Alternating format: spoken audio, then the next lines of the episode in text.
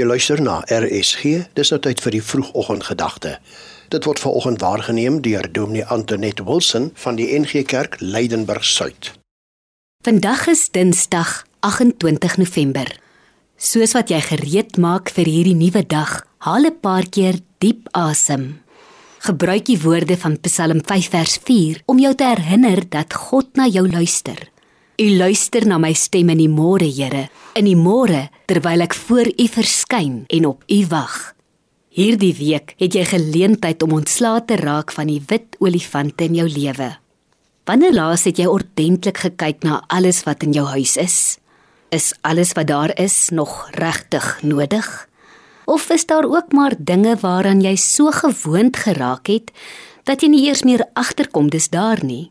Dalk staan daar 'n trapmeel as 'n herinnering aan jou hoop dat jy een oggend wakker gaan word en oornag in 'n drawer verander het. Jy weet jy's besig om jouself te kil en eintlik is die trapmeel net 'n klerehanger vir daardie klere wat nie silwer skoon of vuil genoeg vir die wasgoedmandjie is nie.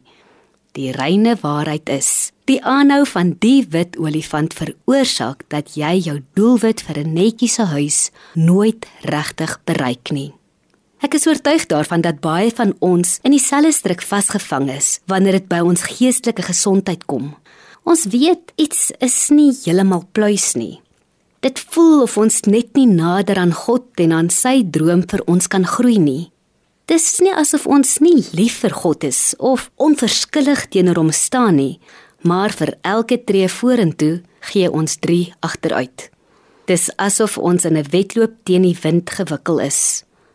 Hoewel daar baie redes hiervoor kan wees, is dit sodat ons blind geraak het vir die impak van destruktiewe verhoudings, die invloed van toksiese media en die saamleef met skadelike gedragspatrone.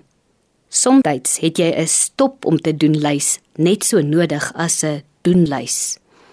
Paulus stel geestelike groei gelyk aan ons gewilligheid om die gedagtes en gewoontes wat hulle vervaldatum bereik het, soos pes te vermy.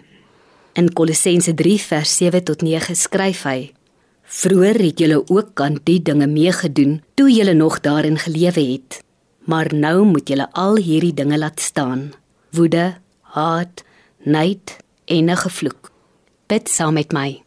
Here, maak my bewus van die gedagtes, gewoontes en invloede wat my lewe besoedel en gee my die nodige krag en motivering om dit uit my lewe te verwyder. Amen. Dit was die vroegoggendgedagte hier op RSG, aangebied deur Dominee Antoinette Wilson van die NG Gemeente Leidenburg Suid.